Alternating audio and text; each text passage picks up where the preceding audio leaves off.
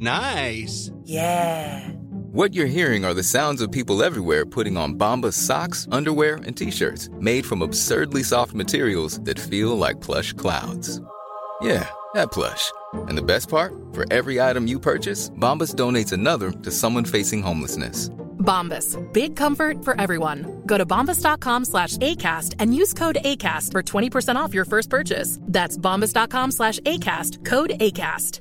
Many of us have those stubborn pounds that seem impossible to lose, no matter how good we eat or how hard we work out. My solution is PlushCare. PlushCare is a leading telehealth provider with doctors who are there for you day and night to partner with you in your weight loss journey. They can prescribe FDA-approved weight loss medications like Wagovi and Zepbound for those who qualify. Plus, they accept most insurance plans. To get started, visit plushcare.com slash weight loss. That's plushcare.com slash weight loss. Trine Skei Grande hadde glemt å føre opp 116 kroner i et bilag og ble mistenkeliggjort i et stort Nettavisen-oppslag. Hvor lite kan regelbruddet være for at mediene kan skape skandaleoppslag? Alle bransjer har sine nisjeaviser. Mediebransjen, energibransjen, advokatbransjen. Nå har store, sterke Skipsted kjøpt oppstartsnisjen skifter.no. Hvorfor det? Hvorfor det? Det Lurer vi lurer på? vi på denne uka. ok. Og til å svare på dette med skifter, så får vi jo en gjest etter Ja, hvert. han som grunnla Skifter og er redaktør i Skifter. Lukas. Mm. Og så har vi en lytter som lurer på hvorfor mediene ble så sure da Märtha eh, kritiserte mediene eh, og ikke skilte mellom Se og Hør og Aftenposten i sin kritikk når hun var på Scoop. Eh, altså når mediene da ikke tar fem flate øre for å skrive at politikere gjør ditt og datt, uten å skille mellom den ene og den andre politikeren. Ikke sant. Det er spørsmålet fra lytteren denne uka. Ok, da var vi i gang igjen, da. Det var vi. Ja, Det har er du... lenge siden jeg har sett deg, Svein Tore. Du har vært på sykkelferie og Ja, det er jo ikke noe ferie, det. Det er jo beinhard Nei, eh, trening eh, i 25 grader og sol. Nei, det har vært veldig fint. Det er en sånn årlig treningstur vi har i klubben, da, hvor vi reiser til Mallorca og sykler eh, Ja, nå skal ikke jeg si hvor mange mil, for det høres ut som snikskritt. Ja, det ville det vært, så ikke si det. Men du har vært her, og du har vært på Scoop, og det har skjedd mye. Men eh, er det noen som har hatt bursdag siden sist? Du, det har vært så mye bursdager. Ja. Fordi du har hatt bursdag. Ja. Jeg har hatt bursdag. Ja. Vi pusher 50 snart. Det er noen år til, da. Det er ikke noen år til, Eva. Ja, vi, vi sier det inntil videre. Vi fyller snart 100 år til sammen, vi. Om et år. Eh, ja, ikke sant? Ja. Fader, det gjør vi, altså. Ja. Men det har vært en bursdag til som en lytter som heter Liv gjorde, gjorde oss oppmerksomme på. Vi har nemlig hatt treårsdag. Tut og mediekjør. Nei! Jo. Har vi holdt på i tre år? Første episode vi eh, publiserte var i mai da 2020? Ja, det er jo Teller Nei, 2021. teller du nå på fingrene? Jeg har en kuleramme her. også. Nei, men altså, Det er jo helt utrolig. Det føles som tre måneder. Altså, da, det jeg lurer på da, er jo eh, Har folk eh, skjønt litt mer eh, på disse tre åra av hvordan journalistikken blir til? Og har egentlig mediene latt seg pirke på nesa av vår såkalte mediekritikk? Det lurer vi på denne uka, Ja. har jeg lyst til å stille spørsmål om. Nei, men eh, Vi har jo litt av svaret på det. fordi at eh, Vi har jo i løpet av disse tre årene i hvert fall eh, Om man ikke blitt anerkjent, så har vi i hvert fall blitt lagt merke til som noen som driver med dette. Og ingen andre driver med dette. Altså en eller annen form for systematisk uh, ukentlig mediekritikk. da. Ja. For, eh, jeg tror vi kan eh, konkludere med at selv om vi har holdt på med dette i tre år, og det er en del i mediene eh, selv som Mm. mener at dette burde vi strengt tatt drevet med Mm. for egen regning, altså vi burde hatt mer mediekritikk av oss selv og hverandre, så er det liksom ikke nok av det. Nei. Så, Men jeg tror jo at uh, lytterne, i hvert fall de som tar kontakt med oss, uh, de setter jo pris på at vi holder på med dette, fordi uh, det ble jo litt annerledes kanskje enn det vi trodde. Vi fikk, i hvert fall, i hvert fall de som tar kontakt, så er det mange lyttere som ikke trodde de interesserte seg for mediebransjen. og medietrykk. Ja, og hva som skjer bak Ja. videre. Mm. Men, så det er jeg i hvert fall happy med, at vi har fått flere interessert i hvordan mediene jobber. Og i det må vi bare legge til når vi snakker om mediekritikk. Vi sa jo dette helt fra starten av, at vi ønsker å forklare hvordan mediene eh, fungerer og journalistikken blir til. For at flere skal få tillit til de Mm. Ja, redaktørstyrte mediene. det er det Og fortsatt. Jeg husker vi satt og snakket om at eh, ja ja, når vi liksom er gjennom Vær varsom-plakaten, da er det vel ikke flere episoder, da? altså, vi, Nei, det, det, det blir liksom ikke, ja, det blir liksom ikke slutt. Nei. Og eh, det bringer oss over på sak nummer én. Mm. Det er en klassisk, skal vi si, sett fra vårt perspektiv, en mediekritikksak. Ja. Fordi eh, Nettavisen skrev i forrige uke oppslag, overskrift, sitat. Skandalerapport publisert. Tidligere partiledere har brutt reglene.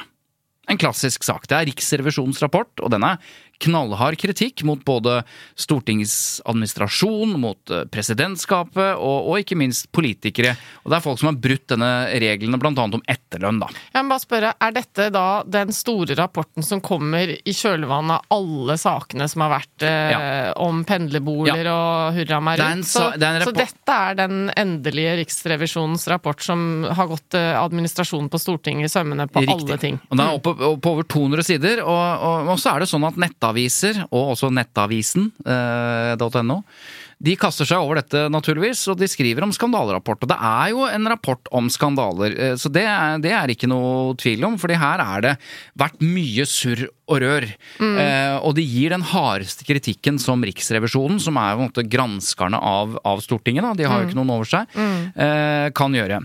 Det vi legger merke til, det er jo at det står ett bilde i den første saken, og det er Trine Skei Grande.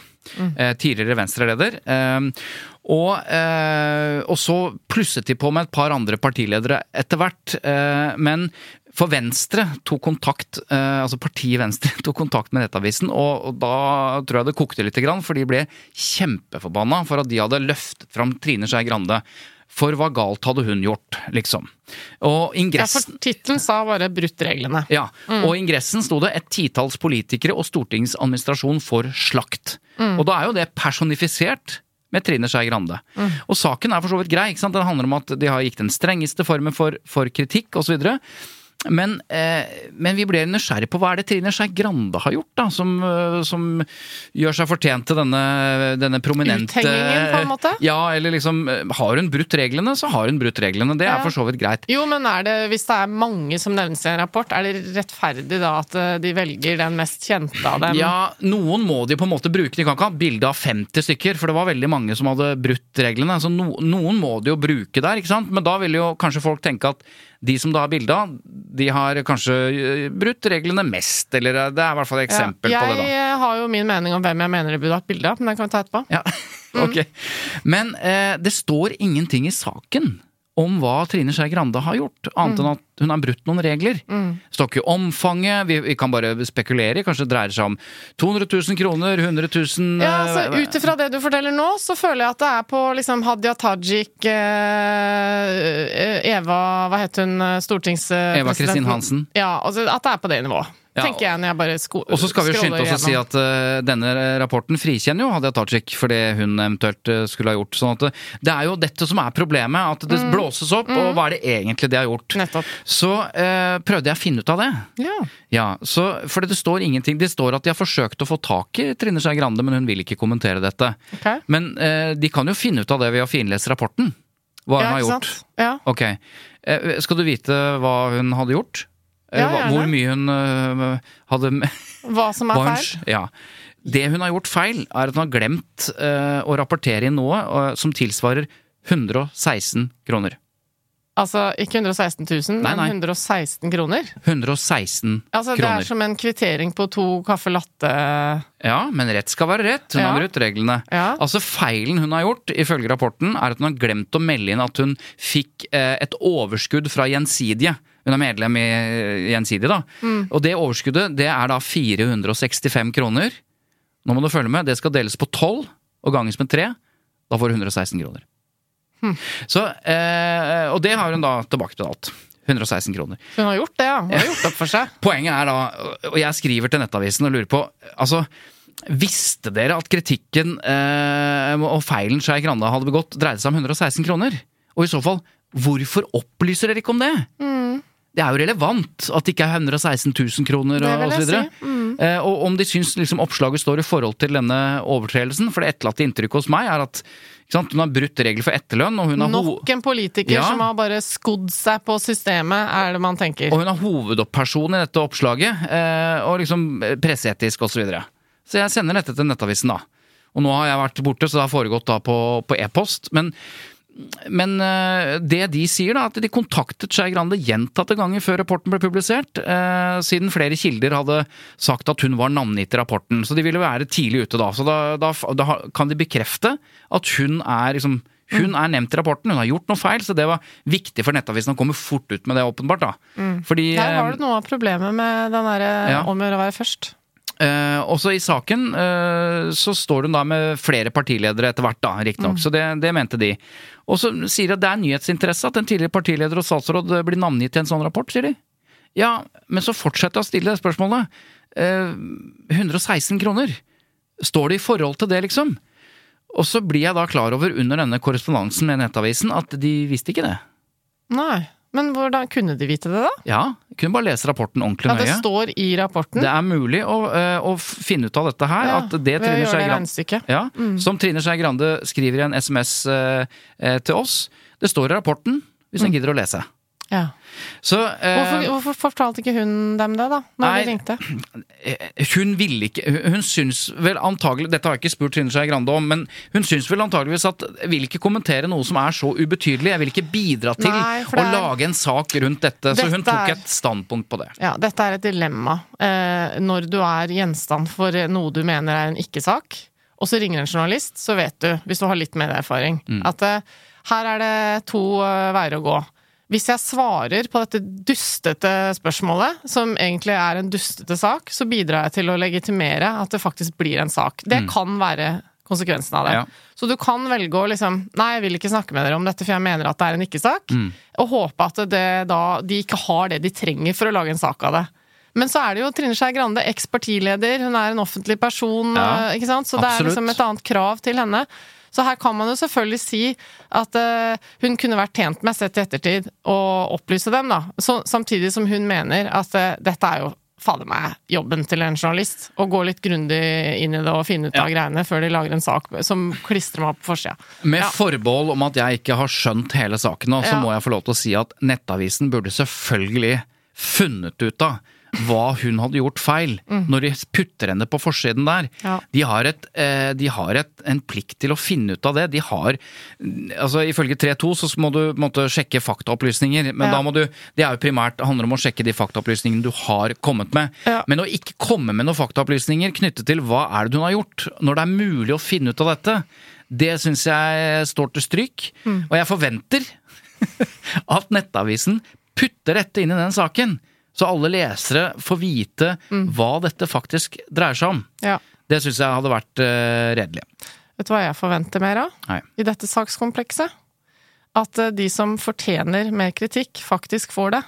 Og det er Stortingets administrasjon. Ja.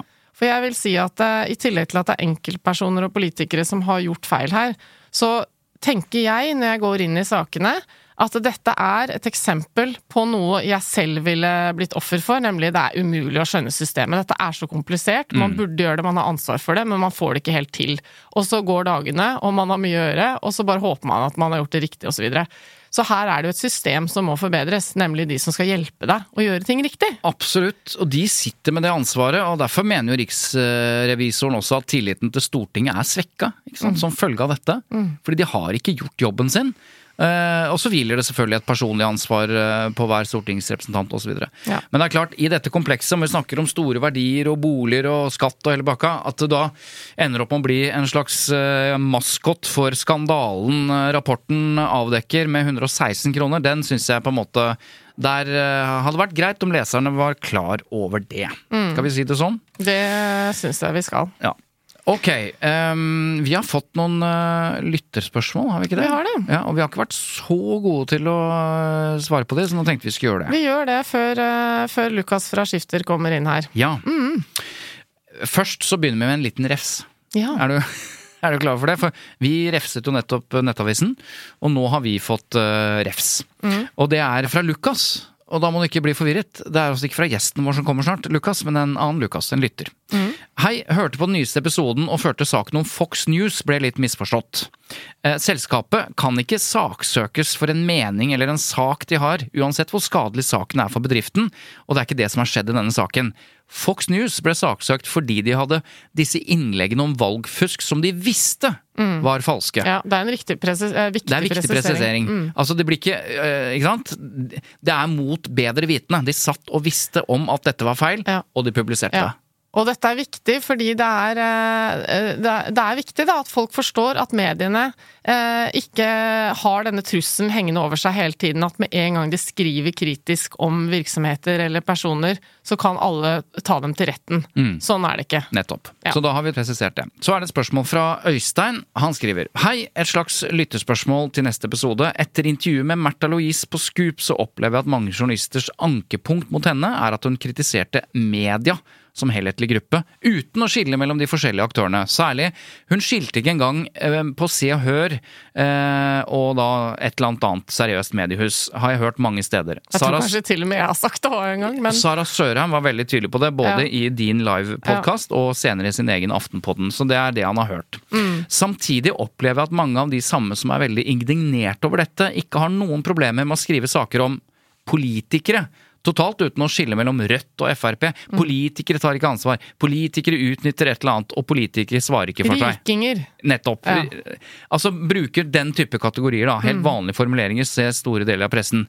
Er ikke dette egentlig en situasjon der mange journalister opplever det som helt urimelig å bli omtalt på samme måte som de selv omtaler andre? Dette syns jeg er et veldig godt poeng, Øystein. Jeg syns han øh, Ja, det, Mm. du skal ikke kimse av den observasjonen der. Jeg vil jo støtte han i øh, det inntrykket at øh, øh, Ja, nei, mediene er ikke like flinke til å se seg selv som de er til å se andre. Og når de får kritikk, så henger de seg veldig opp i sånne feil. Mm. Eh, ja, men du sa at eh, Og så glemmer de liksom å ta hø- lytte til det som egentlig Ja. var Fordi de opplever det som alle andre opplever, at ja, men jeg er journalist, men, men det er ikke jeg som har gjort noe feil. Ikke, ikke sant? Og de opplever det når advokater blir omtalt som griske eller godt betalte, eller så, så sitter advokater og jurister andre steder som jeg har ikke det, jeg jobber offentlige, jeg er også jurist. Eller og så videre. Så jurister, leger, politikere videre. Mm. Det, er en, det er et veldig godt poeng. Det er det. Jeg har lyst til å hente ut et lyttespørsmål fra en av våre fremste offentlige mediekritikere, Kristin Clemet, som hun la ut på sosiale medier eh, denne uka.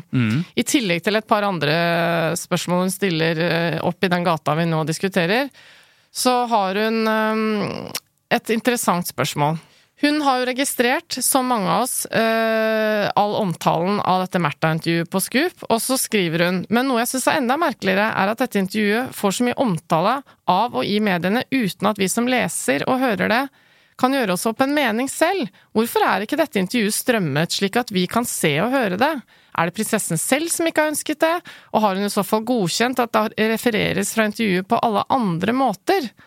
Eh, ikke sant? Og så, og så reflekterer hun litt over at hun ikke ser helt for seg at Civita, hvor hun jobber, kunne hatt et lukket møte, osv. Altså, prøver liksom, hvorfor skjedde dette på et lukket arrangement? Ja, altså For det fakta er at vi har ikke sett det intervjuet. Du har sett det, fordi Ja. du var der. Ja, Og så har jeg stått og babla i en uh, livepodkast som vi tilfeldigvis har hatt uh, bruddstykker av. I en podkast som, uh, som dere lytterne har fått uh, høre, ikke sant. Pluss at det samme har skjedd i andre podkaster og i andre sosiale medieposter. Og på nyhetene på TV samme kveld. Dette dette ble ble jo referert. førstesideoppslag. Ja, Dette ble referert i alle medier, uten at vi fikk noe annet, som du sier, enn bruddstykker. Eh, Vi fikk vite hva hun hadde sagt, noe hun hadde sagt, hvordan hun hadde gjort det. Og så ble det en massiv kritikk mot noe som vi ikke hørte. Jeg syns det er veldig interessant, ja, fordi eh, sant? mediene er vanligvis veldig opptatt av å understreke overfor folk som prøver å gjøre ting eh, innenfor lukkede rammer, når de er offentlige personer. Eller eh, når de har et arrangement som de ikke ønsker at mediene skal være til stede i, så er mediene veldig nøye med å si at det kan dere bare drite i. Når eh, Tusvik og Tønne har en, et liveshow med tusenvis av publikummere, så aksepterer ikke norsk presse at det er referatforbud, selv om de prøver å innføre det. Det er et går offentlig ikke. arrangement. Ja. Eh, så hvordan skal man løse dette her? Fordi at Scoop er jo en konferanse. Akkurat som NHOs årskonferanse eh, eller Ikke andre. akkurat Nei. som det, kanskje, men, eh, nei, men fordi det er, det er litt Der er nyhetene. Der det- er TV 2 og NRK til Og det strømmes. Ja. Dette vet jeg litt om, for jeg har jo ledet Det akkurat denne strømmes jo seansen. riktignok bare for betalende Nei, men det, er til, det gjøres tilgjengelig. Det ligger på YouTube, det ligger masse fra NHOs årskonferanse. Eh, så det er, en, det er en konferanse som i aller høyeste grad er definert som offentlig. Ja. Men akkurat denne Scoop-konferansen, det er jo øh, må skille mellom en del ting. Det er en del seanser og faglige seanser som aldri blir interessante for andre enn journalister. Men akkurat dette late night show som nå folk har fått øh, inntrykk av, eh, det har jeg ledet noen ganger. Og da har det vært helt reelle diskusjoner. Hvor det er folk som ikke stiller der, hvis ikke de er nærmest sikre på at uh, det ikke blir referert fra samtalen. Og dette har man appellert til de journalistene som er der, og sier vet du hva, uh, her er det en gjest uh, som stiller under forutsetninger av at Eller ikke forutsetninger, men man håper at, at de ikke tar bilde, og ikke siterer fra det, osv. Fordi fordi det er en helt annen type setting. Ville ikke stilt opp i VG eller i Lindmo eller hva det måtte være. Da har det blitt overholdt. Ja. Fordi man har forstått at det er naturlig. Ja. Når Märtha Louise kommer inn viftende med et hvitt flagg og kritiserer hele Presse-Norge sønder og sammen, så var det, antar jeg, dette bare antar jeg, at det aldri har vært noen forutsetning for at det ikke kan bli referert. Så det er to helt ulike Det vil være to helt ulike saker. Men det har skjedd mange ganger at man ikke har referert, selv om det er 600 journalister i salen, så har det ikke aldri kommet ut i VG eller Aftenposten eller hva det måtte være, det som har kommet fram på scenen. Det er litt rart, da. Hvordan er det man øh, gjør en sånn avtale? Det er det egentlig øh, man blir sittende og lure på. Men det som i hvert fall er premisset, altså det som er utgangspunktet for Scoop-konferansen, som vi har gjentatt i et par ganger nå i et par episoder, da, er jo at øh, de deler erfaringer sant, med gravejournalistikk og metode. Journalistisk metode. Og det er jo noe med at det står folk der, det inviteres folk. Forsvarssjefene, Etterretningstjenesten og sånn var også på enkelte av arrangementene på Scoop i år og står og debatterer eh, kommunikasjonen sin eh, med media. Så det er en kultur på denne konferansen som er deling. Absolutt. Men som ikke er det samme som det ville stått og debattert på NRKs eh, Debatten, f.eks. Mm. Premisset er annerledes, da. Og det hjelper jo at det da ikke strømmes, fordi da kan, da kan man snakke litt mer åpent, fordi det er journalister Mm. som skal lære av det. Det er litt av utgangspunktet. Men vi trenger ikke å ha dette svaret. For jeg har ringt styrelederen i SKUP. Ja, det har du selvfølgelig gjort. Ja. La oss høre hva Nina Selbo Thorseth, som da er styrelederen i SKUP og ansvarlig for programmet på konferansen, eh, svarer til disse spørsmålene fra Kristin Clemet. Og jeg stilte henne spesielt spørsmål om eh, hva som var situasjonen med Märtha-intervjuet i år. Ja, i år så var jo Märtha Louise en av tre hemmelige gjester på Late Night. Eh, Og vi i Scoop-styret har jobba i mange år for å få henne til konferansen. Så vi var jo veldig glad for at hun sa ja nå i år som hun var ekstra aktuell.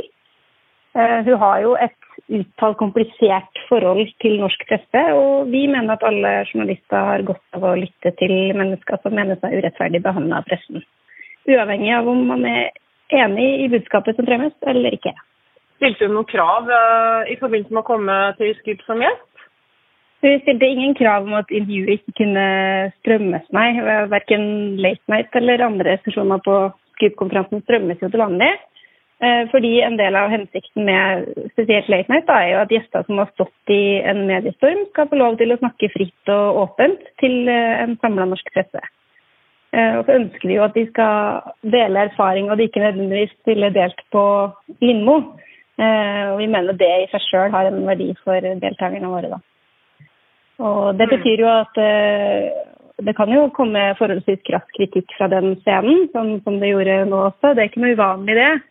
Eh, forskjellen i år er jo at den kritikken får veldig stor oppmerksomhet fordi den kommer fra et medlem av kongefamilien.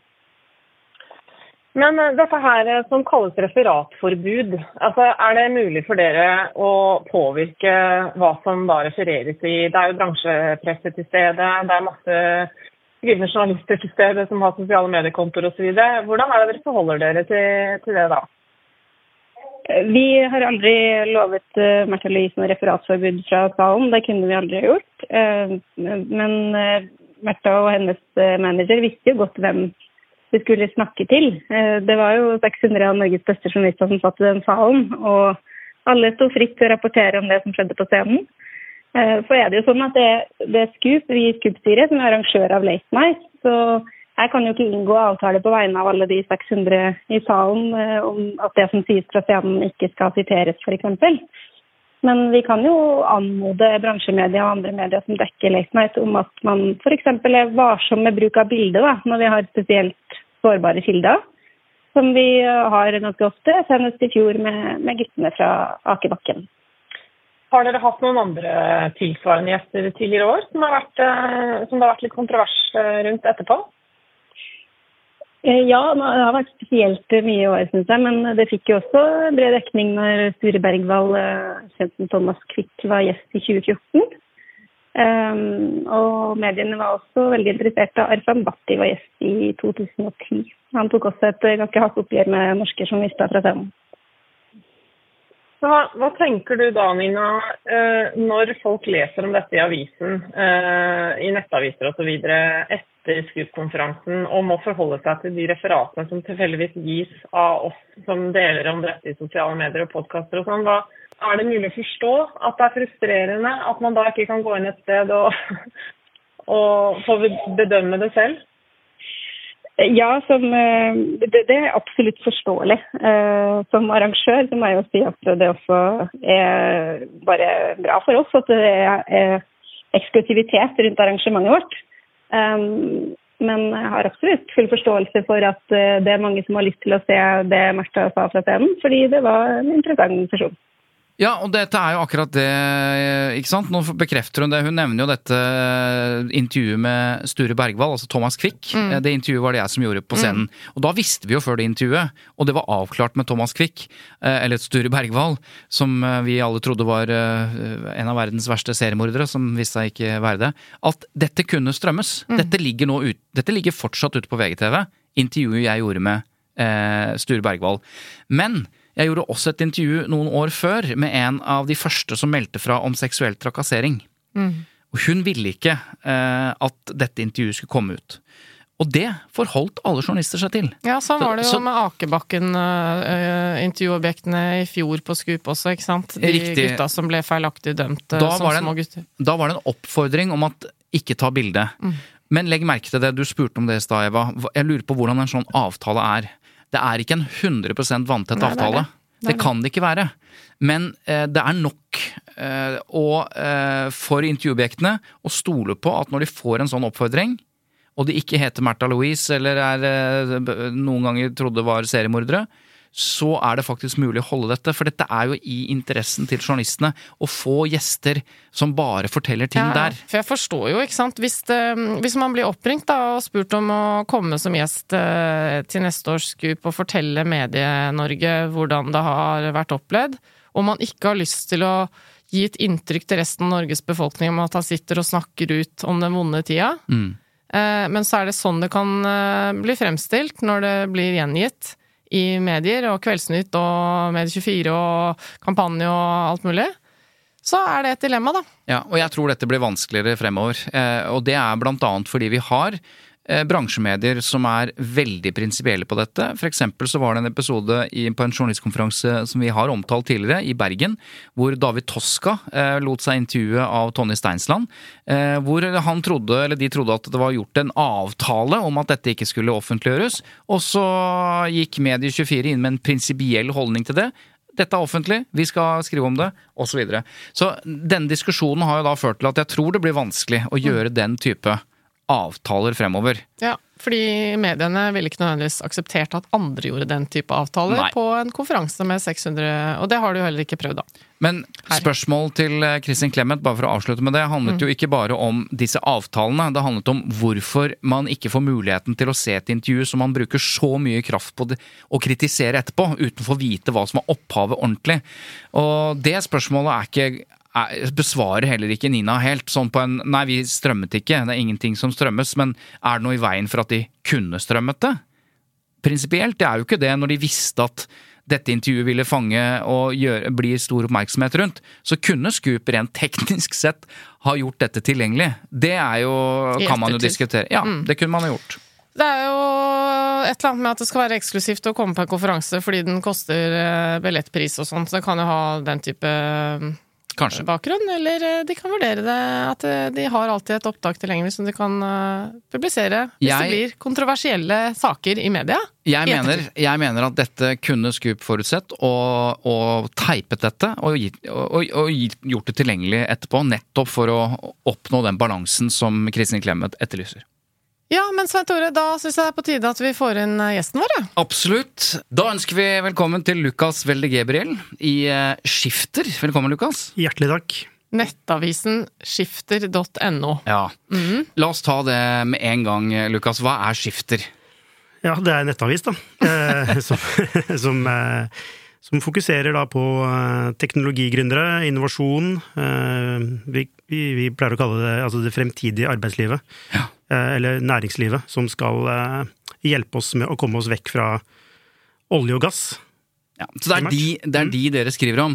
Det er fornybarsegmentet nei, primært. Nei, nei, nei, ikke i det hele tatt. Eh, Eller jo, ikke, altså, ikke, ikke, ikke i det hele tatt, men, eh, men eh, vi skriver om eh, grunn... Altså, vi, vi mener at Norge må omstille seg Ja. fra eh, da olje og gass, og da over til teknologibaserte selskaper, Mm. som Mm. ikke nødvendigvis driver med fornybar teknologi, men, eh, men eh, som driver med teknologi mm. som vi kan eksportere. Skifter er altså en uavhengig nettavis som skriver om bedriftene som skal bygge det nye Norge. Er det ikke Helt sånn, korrekt. Lukas? Å, det var nydelig oppsummert. Ja, rett, rett bortsett fra at det er Lukas som har skrevet det, da. For jeg leser det fra, okay. fra sidene deres. Men jeg tenkte jeg skulle ta med den, for jeg syns det var schwung over den. Ja, det tror jeg kanskje min kollega Per Ivar, eh, og medgründer, som har skrevet det. Ja, Så det er da Per Ivar Nikolaisen, som du gründa skiftet med i 2016. Stemmer.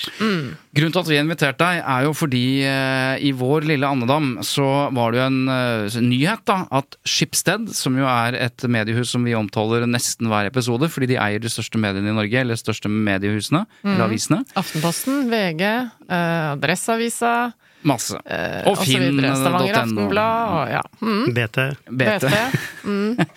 Og eh, de har funnet ut at de ville kjøpe, eh, og ha meg unnskyldt, Lille Skifter. Mm. Hvordan eh, reagerte dere gründerne da dere ble klar Da de over denne spurte. Da de ringte og spurte hvor mye koster dere?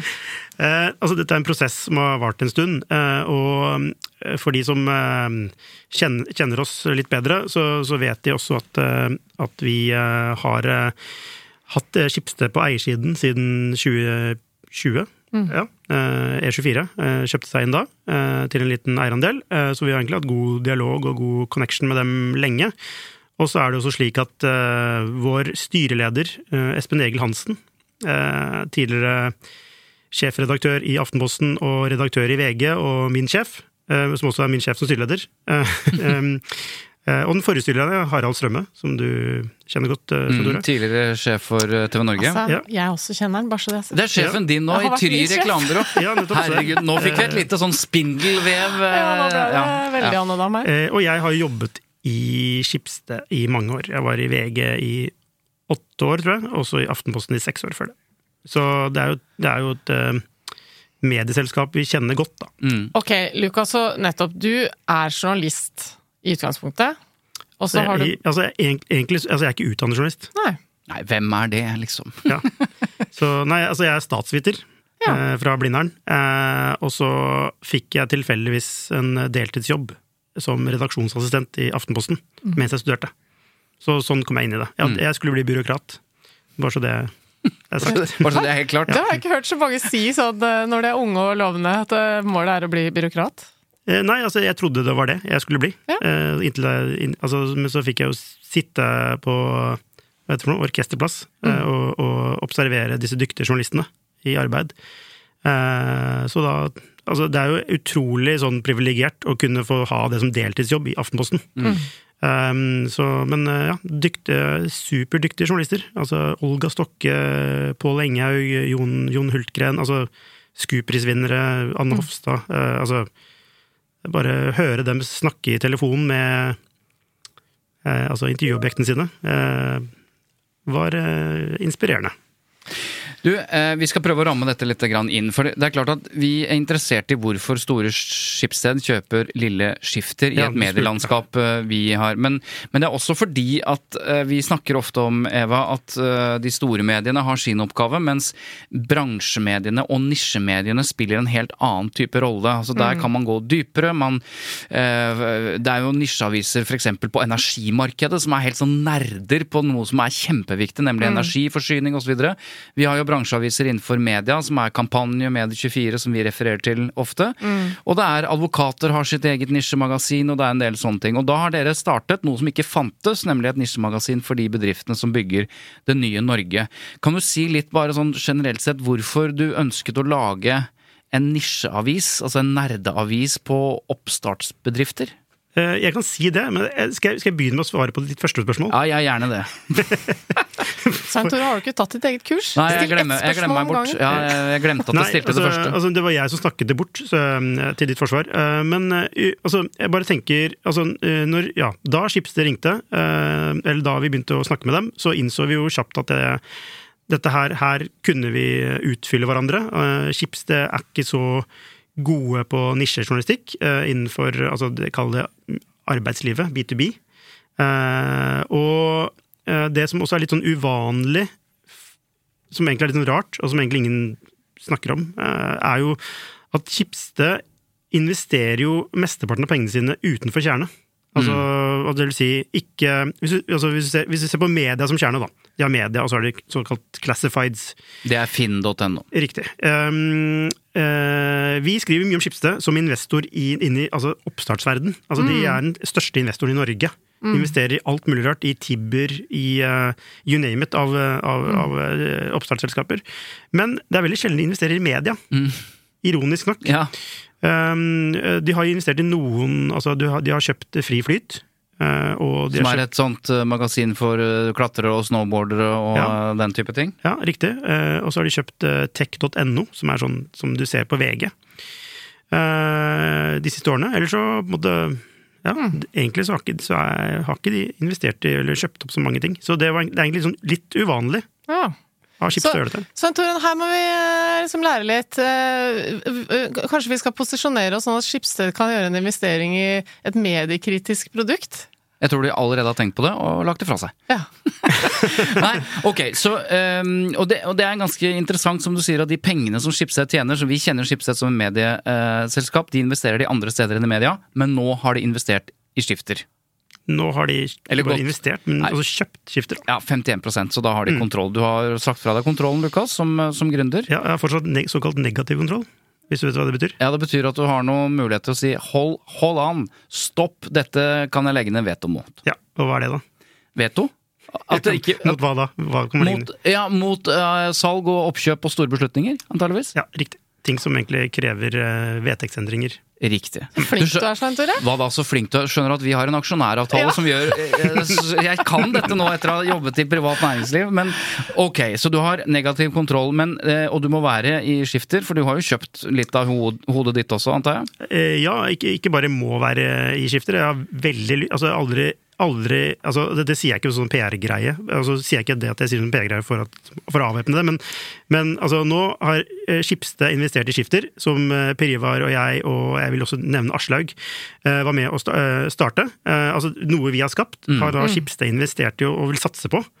Og eh, det er jo, vi syns jo det er dritkult. Det er kjempegøy at de altså, det er litt sånn herre Hvor mange har solgt noe til Schibsted? Mm.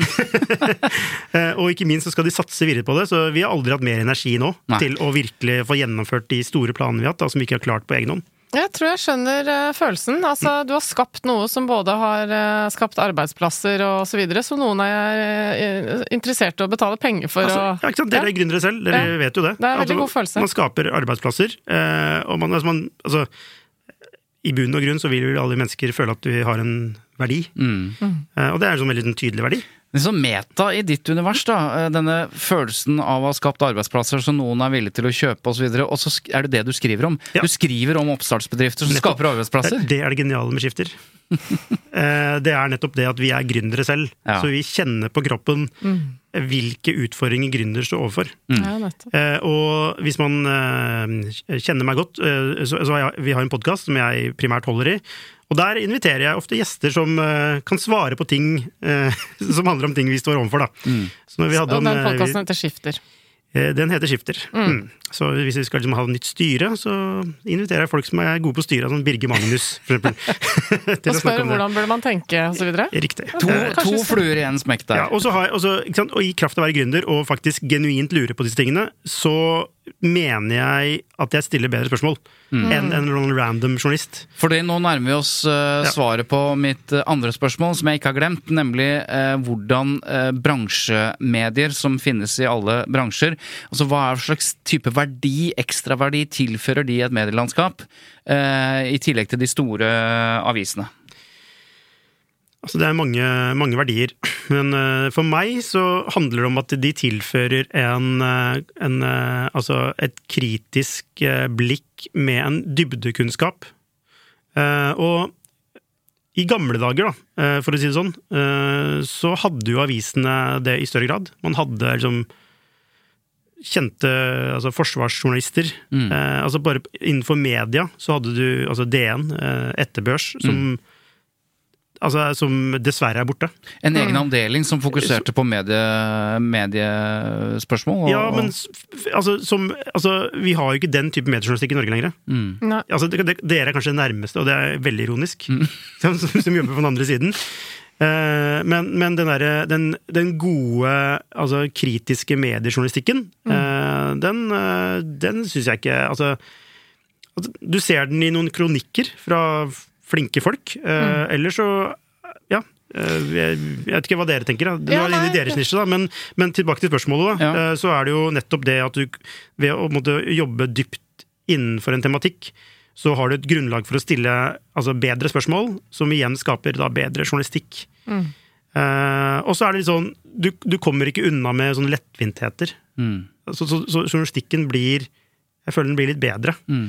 Eh, og så kan man jo si at noen gjør det, osv., men det er i hvert fall sånn vi ser på det. Så er det sånn hvis vi blir altså lettvinte og spek spekulative, eh, så mister vi troverdighet og kredibilitet, som er, vi er avhengig av for å liksom eh, For å liksom lage godt innhold til en, altså, en Kall det en over snittet interessert gruppe, da. Mm. Fordi det er jo startup-bedrifter og folk eh, som er målgruppa, målgruppe, og kanskje litt investorer og den type miljøer, vil jeg tro. Hvem er det som er personasene dere altså, henger, har hengende på veggen? Det er også morsomme ting som man finner ut underveis. Altså, det vi skulle gjøre, var å liksom eh, sette søkelys på gründere. Mm. eh, Fokus på det, og det gjør vi hele tiden. Men det interessante er at vi er mer need to have eh, for investorer. Ja. For det er jobben deres. Å Altså, finne ut av hva som rører seg i oppstartsmiljøene? ja, de får penger fra noen andre investorer eh, Mm. for å liksom, investere da i gründere. Så de må vite alt de kan. De Mm. må hente liksom, analyser altså de må liksom, Og da er jo skifter altså, kanskje det beste stedet, da. I, Mm. I hvert fall i Norge, for å liksom, oppdatere seg på hva som, som, hva som rører seg. da. Mm. Så til, til spørsmålet ditt, personas. Altså, det er ikke en personas for oss, men, men ja, investorer er det mest need to have. Ellers så er det gründeren, eh, ofte. Eh, og så er det den En gründer er ikke en gründer, men det er tech-gründere. Eh, og det er eh, prim... Altså kanskje Altså i grenselandet mellom såkalt tidligfase og skaleringsfasen, da. Ja. Eh, Så det er på en måte ikke de som nettopp har begynt å, starte, begynt å bygge, men det er de som er, måte, skal hente, gjerne de som skal hente penger. Det er da de kommer, da blir skifter Ja, for jeg tror for ganske mange så er Skifter det første stedet de har blitt omtalt. Ja, det stemmer. Det er litt kult. Ja. Men også er spørsmålet Det er mulig jeg tar på meg en litt sånn eh, Skal vi si en, en eh, falsk, fordomsfull drakt her nå, men er det ikke sånn, da, og nå stiller jeg spørsmål som du aldri bør stille, Eva, bare sånn til Ja. intervjuteknikk, er det ikke egentlig sånn, da, at Skiftet bare skriver om de kule og de hippe oppstartsselskapene i Oslo-gryta, men bryr seg ikke så veldig mye om de som starter entreprenørselskapet i Odda? La, la du merke til hvor lene det spørsmålet Ja, var? Ja. Så morsomt at du sier det, for vi skal, skal ansette en journalist i Bergen. Som skal dekke Odda. Som skal dekke Odda.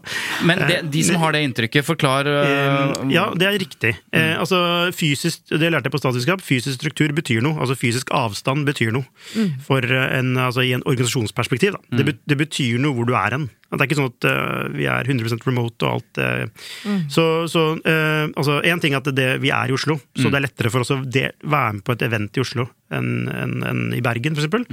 En annen ting er jo at eh, 80% av kapitalen Nå er det sånn jeg vet ikke om det er riktig tall, men sånn veldig, veldig stor del av kapitalen til startups er, eksister, er i Oslo. Så veldig mange starter for eksempel, da, i Bergen, eller spesielt Trondheim, teknologiselskaper, så, så flytter de til Oslo. Så, så vi dekker jo veldig mye av altså Mange av gründerne vi dekker i Oslo, er jo ikke nødvendigvis fra Oslo. Nei. Men, Men du snakker om Bergen. Er det ikke Trondheim som er liksom teknologihovedstaden i Norge? Jo, det stemmer. Eh, nei, vil Kongsberg si, da, men jeg skjønner hva du mener. Ja, er, det en, er, en arbeids, er det en oppdragsgiver? Flere? Nei. Ja, absolutt ikke. Eh, Kongsberg som by kjemper jo med Trondheim om å være teknologihovedstaden, men poenget ditt er likevel gyldig? Ja, altså, eh, altså NTNU er jo, rangerer jo ganske høyt, da, eh, vil jeg si, i Trondheim. Eh, Der er det Altså, eh, hvis du skal bli ingeniør Altså, altså det Altså ingeniører med stor I, eh, altså enten det er bygg eller hva det måtte være, men eh, mange av gründerne er sånn såkalt inducker, da, altså industri, industriell økonomi. Eh, Det er Trondheim. Så mye teknologi kommer fra Trondheim, det er helt riktig. Eh, Bergen er litt sånn annerledes. Det er mer sånn mens, mens Trondheim er mer sånn teknologer, så er bergensere mye mer gründere. Mm. Skjønner? Sånn gründer-mindset. Så vestlands-mindset, som er eh, kommersielt og Altså, jeg digger Bergen, Mm. Jeg, bare, jeg mener det, fordi altså, mindsettet eh, rundt det å skape Ja. Og så har de en annen viktig ting, eh, og det er at de har en enorm eh, klynge, altså bo- bokstavelig talt kunnskapsklynger og industrielle klynger som dreier seg om eh, hav og vind Korrekt. og fisk og alt det som på en måte vi skal leve av i fremtiden. De har kapital De har kapital. Vi er litt opptatt av hvordan journalistikken blir til, så jeg har bare lyst til å høre om du kan prøve å beskrive en sånn vanlig, vanlig arbeidsdag i Skifter. For dere er ca. hvor mange ansatte nå? Eh, nå er vi åtte ansatte. Ja, la oss si at eh, For du er, er også skrivende eh, journalist nå? Ja, ikke så veldig mye. Egentlig veldig lite, vil alle de andre si. Så, så er vi åtte Fem skrivende. Ja. Så la oss si at en av disse fem skrivende journalistene ikke skal fortsette på en sak de allerede har begynt på. Da. Hvordan, hvordan liksom er stofftilfanget? Hvordan jobber man i en avis som skifter for å finne stoffet? Um, det er en del uh, offentlige registre hvor det etterlates en del spor som vi er inne i hele tiden. Eh, altså transaksjoner etc. Ja. Så vi jobber eh, Altså vi har ganske god koll på hvem som har gjennomført emisjoner, f.eks. Det følger penga, liksom? Det følger penga. Ja. Og emisjoner, for de som ikke vet hva emisjoner er. Altså tross alt, eh, du må jo ha vært borti det for å vite hva emisjoner er. Ja, det er eh, altså in- fått, investeringer da, til selskapet sitt. Eh, Henta penger. Henta penger. Sagt veldig enkelt. Skal jeg gå dypere ned i hva det betyr? Nei da, da har vi- hente penger er bra. Mm, Så vi, vi, følger med. Altså vi, vi, vi er også en slags, kall det en kurator, eh, på, på vegne av altså det gründerstoffet som omtales andre steder. Mm. Så hvis man kommer til skifter, så skal du få det.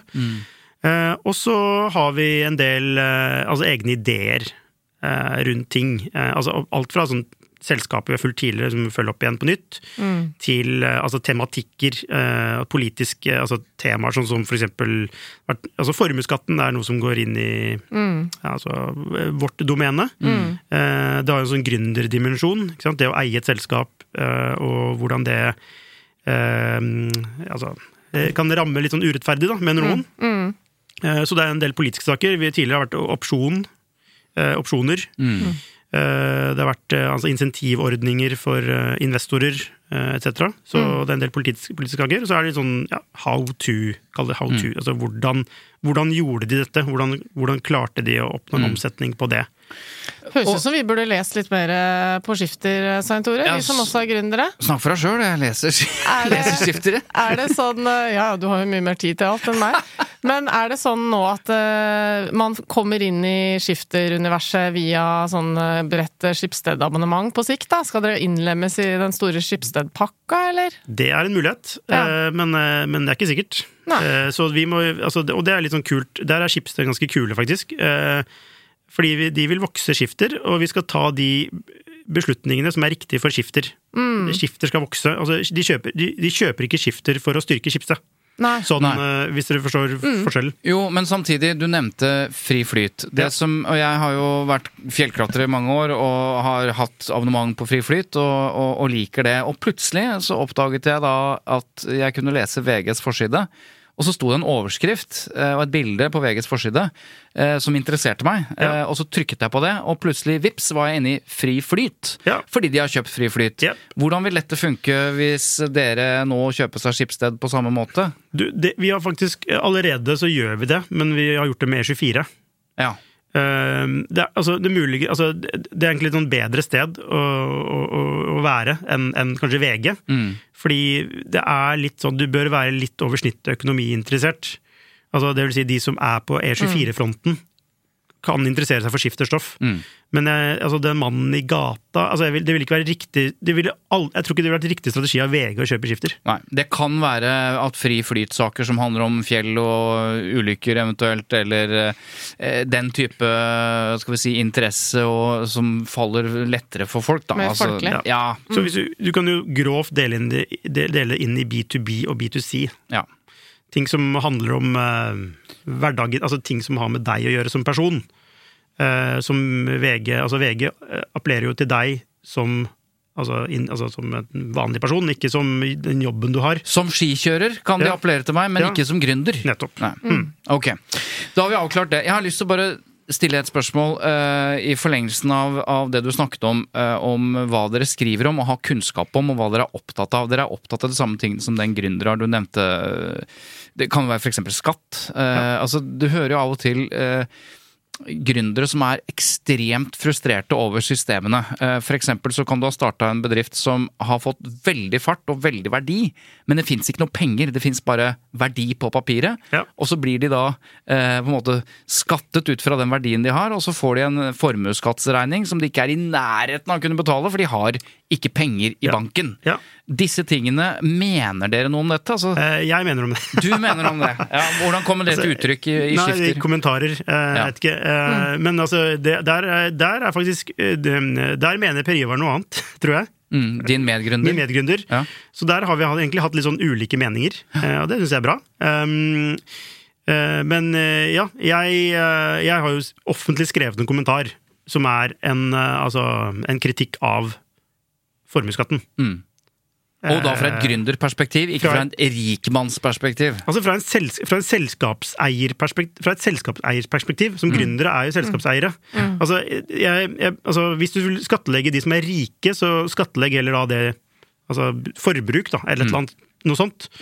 Men at du skal Ja, nå blir det en politisk greie, da. Men at du skal eh, Altså, jeg, jeg vet ikke hvorfor vi har den debatten. Og jeg, en annen ting med media og generelt er den polariseringen vi ser. Altså hvordan eh, karakteristikker Altså fra Altså jeg er litt sånn skuffa da, eh, Ja. over det. Altså Ja. de karakteristikkene. Ja. Ja, og det var det jeg var ute etter. For at eh, det nisje, dere som nisjemagasin eller nisjenettavis kan bidra til, er jo nettopp å tilføre kunnskap og nyanser og eh, perspektiver som forsvinner i denne Ja.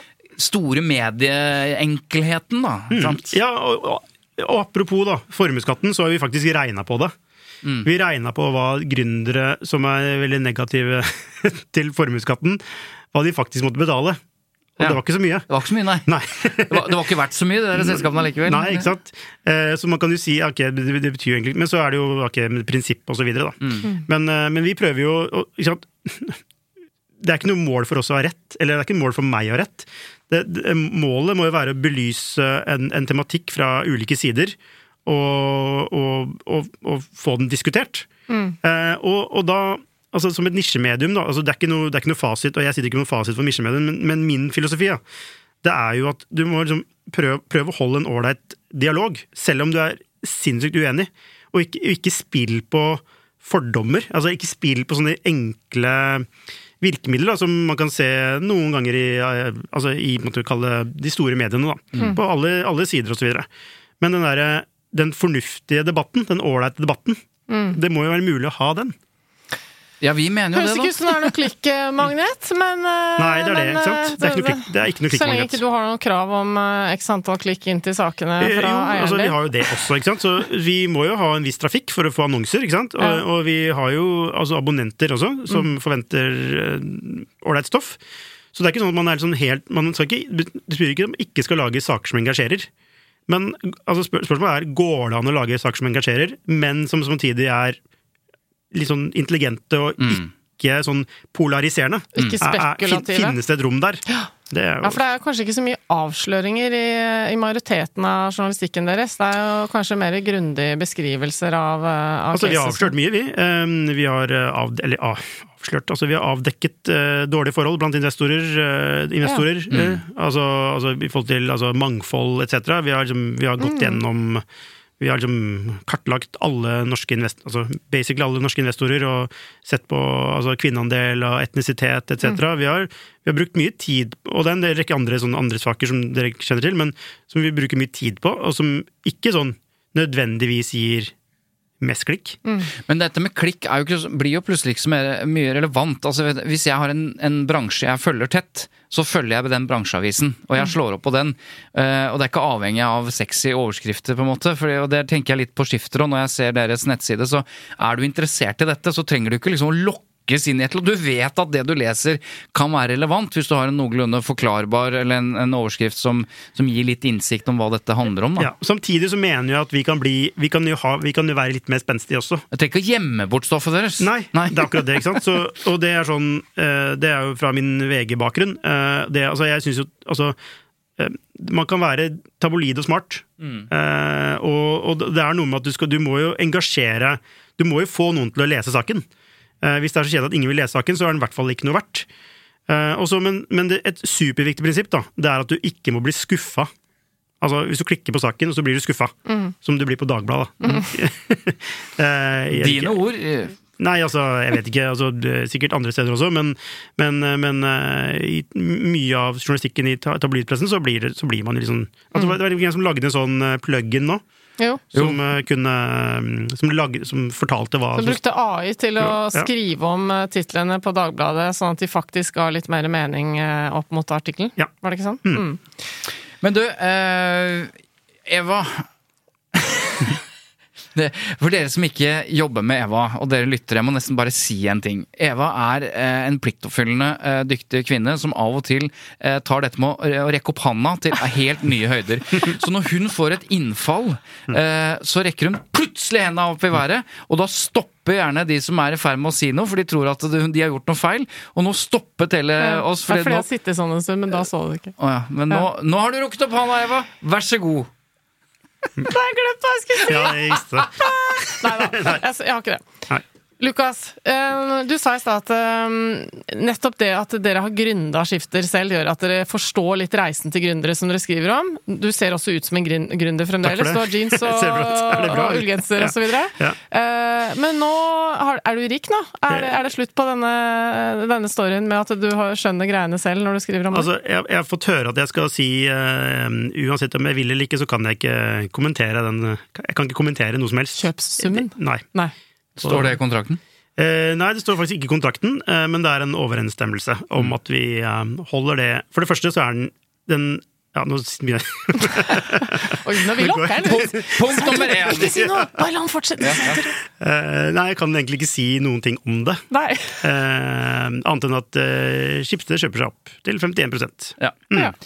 Og du uh, er eh, Om du er rik eller ikke, det vil du ikke kommentere. Jeg kan jo spekulere i det. Jeg antar at uh, gründere som eh, starter noe, de investerer masse tid og penger og tar ikke ut høye lønninger de første årene. Så hvis du tar et stort regnestykke på det, så tenker jeg at han kommer til å fortsatt gå i den ullgenseren. Det er min uh, tanke. Er min, Uten å da antyde at skifter ikke er verdt noe, så, bare så det er sagt. Men bare så ikke vi kan skape et inntrykk av at uh, han går med gullbukser akkurat nå. Er, hva syns du om den analysen? Jeg syns det var spot on. Ja,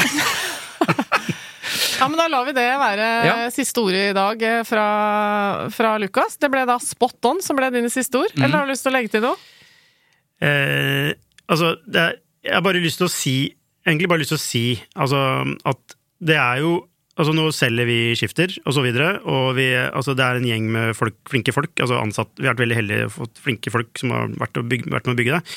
Men det er bare sånn Jeg bare innser hvor, vik, hvor viktig det er alt, alle rundt, hele tiden, som har gitt sjanser. Jeg- De, de får aldri en sånn kred i en takketale. Nei. Sånn, eh, altså Alt fra liksom, barneskole Altså bare alle altså, Vi er så privilegerte som har hatt så mange rundt oss som har løftet oss frem, altså i verdens beste land. Sant? Eh, og så, så, blir, så kjente jeg på et voldsomt fokus når vi solgte, på Voss.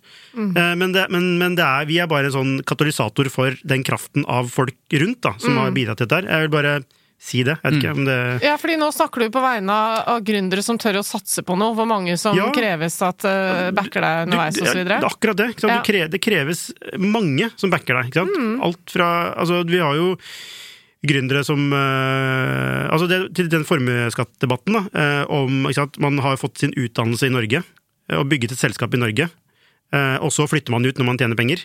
Eh, altså det, er, det, er sånn, det, er noe, det er noe der, da. Mm. Det, er noe med at vi altså, fått gratis utdannelse, dyktige folk rundt meg som har hjulpet meg, gitt meg sjanser, så videre. Alle oss egentlig skifter. Og det er jo det Altså, alle, alle prestasjoner og alle ting man oppnår, så er det et, sånt, et enormt lag bak, da. Ja, og også en sikkerhet. Hvis det hadde vært et dårlig år eller to, så, så finnes det løsninger for at dere ikke skal måtte legge ned umiddelbart og sånn. Alt dette her er med i dette regnestykket. Absolutt. Ja. Vi har blant annet hatt en del investorer som har vært helt fantastiske. Ja. Eh, så, så Dette var ja. Mm. Deilig med litt skryt uh, på slutten. Uh, alle som har vært med å starte selskap, og det ligger en dobbel bunn i dette, Men det er én ting til, sorry. Ja, sorry. Man må tørre. Man må tørre. Det, Man må det er det vi må Altså, man må tørre. Det er tross alt mye mer behagelig å sitte i en fast eh, jobb med godt betalt og reise hjem når man eh, føler man har gjort dagens dont. Ja. Ringe inn når man er sjuk og ikke allikevel måtte gjøre jobb fordi det er ingen andre som kan gjøre den, osv. Ja. Ja. ja, ikke sant. Mm. Dette kan vi relatere til, men eh, tusen takk for eh, at du kom og snakket litt om eh, Nerde, nisjemagasinet for oppstartsbedrifter som skal bygge Norge. Takk for at vi fikk komme. Skifter. Det er altså Lyder Produksjoner som produserer denne podkasten, og takk til deg også, Svein Tore. Takk til deg, Eva Sonnum. Eh, og så er det bare å sende spørsmål eh, til oss på tutatlydeproduksjoner.no eller på Messenger, da. Ja, eller du kan også sende spørsmål til Lukas, sikkert, eh, hvis du lurer på noe om eh, gründervirksomhet. Du, den derre talen din, eh, Lukas, den kan, du kan jo lage en lang post eh, i sosiale medier hvor du bare tagger absolutt alle som Ja, jeg- du kan tenkt på komme det. på. Han har ikke hatt tid. Tusen takk for oss, Ja. og vi høres igjen neste uke. Ja.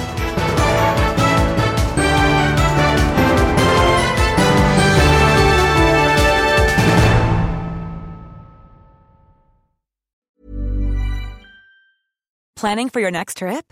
Elevate your travel style with Quince. Quince has all the jet setting essentials you'll want for your next getaway, like European linen, premium luggage options, buttery soft Italian leather bags, and so much more. And is all priced at 50 to 80% less than similar brands. Plus, Quince only works with factories that use safe and ethical manufacturing practices. Pack your bags with high-quality essentials you'll be wearing for vacations to come with Quince. Go to quince.com slash pack for free shipping and 365-day returns.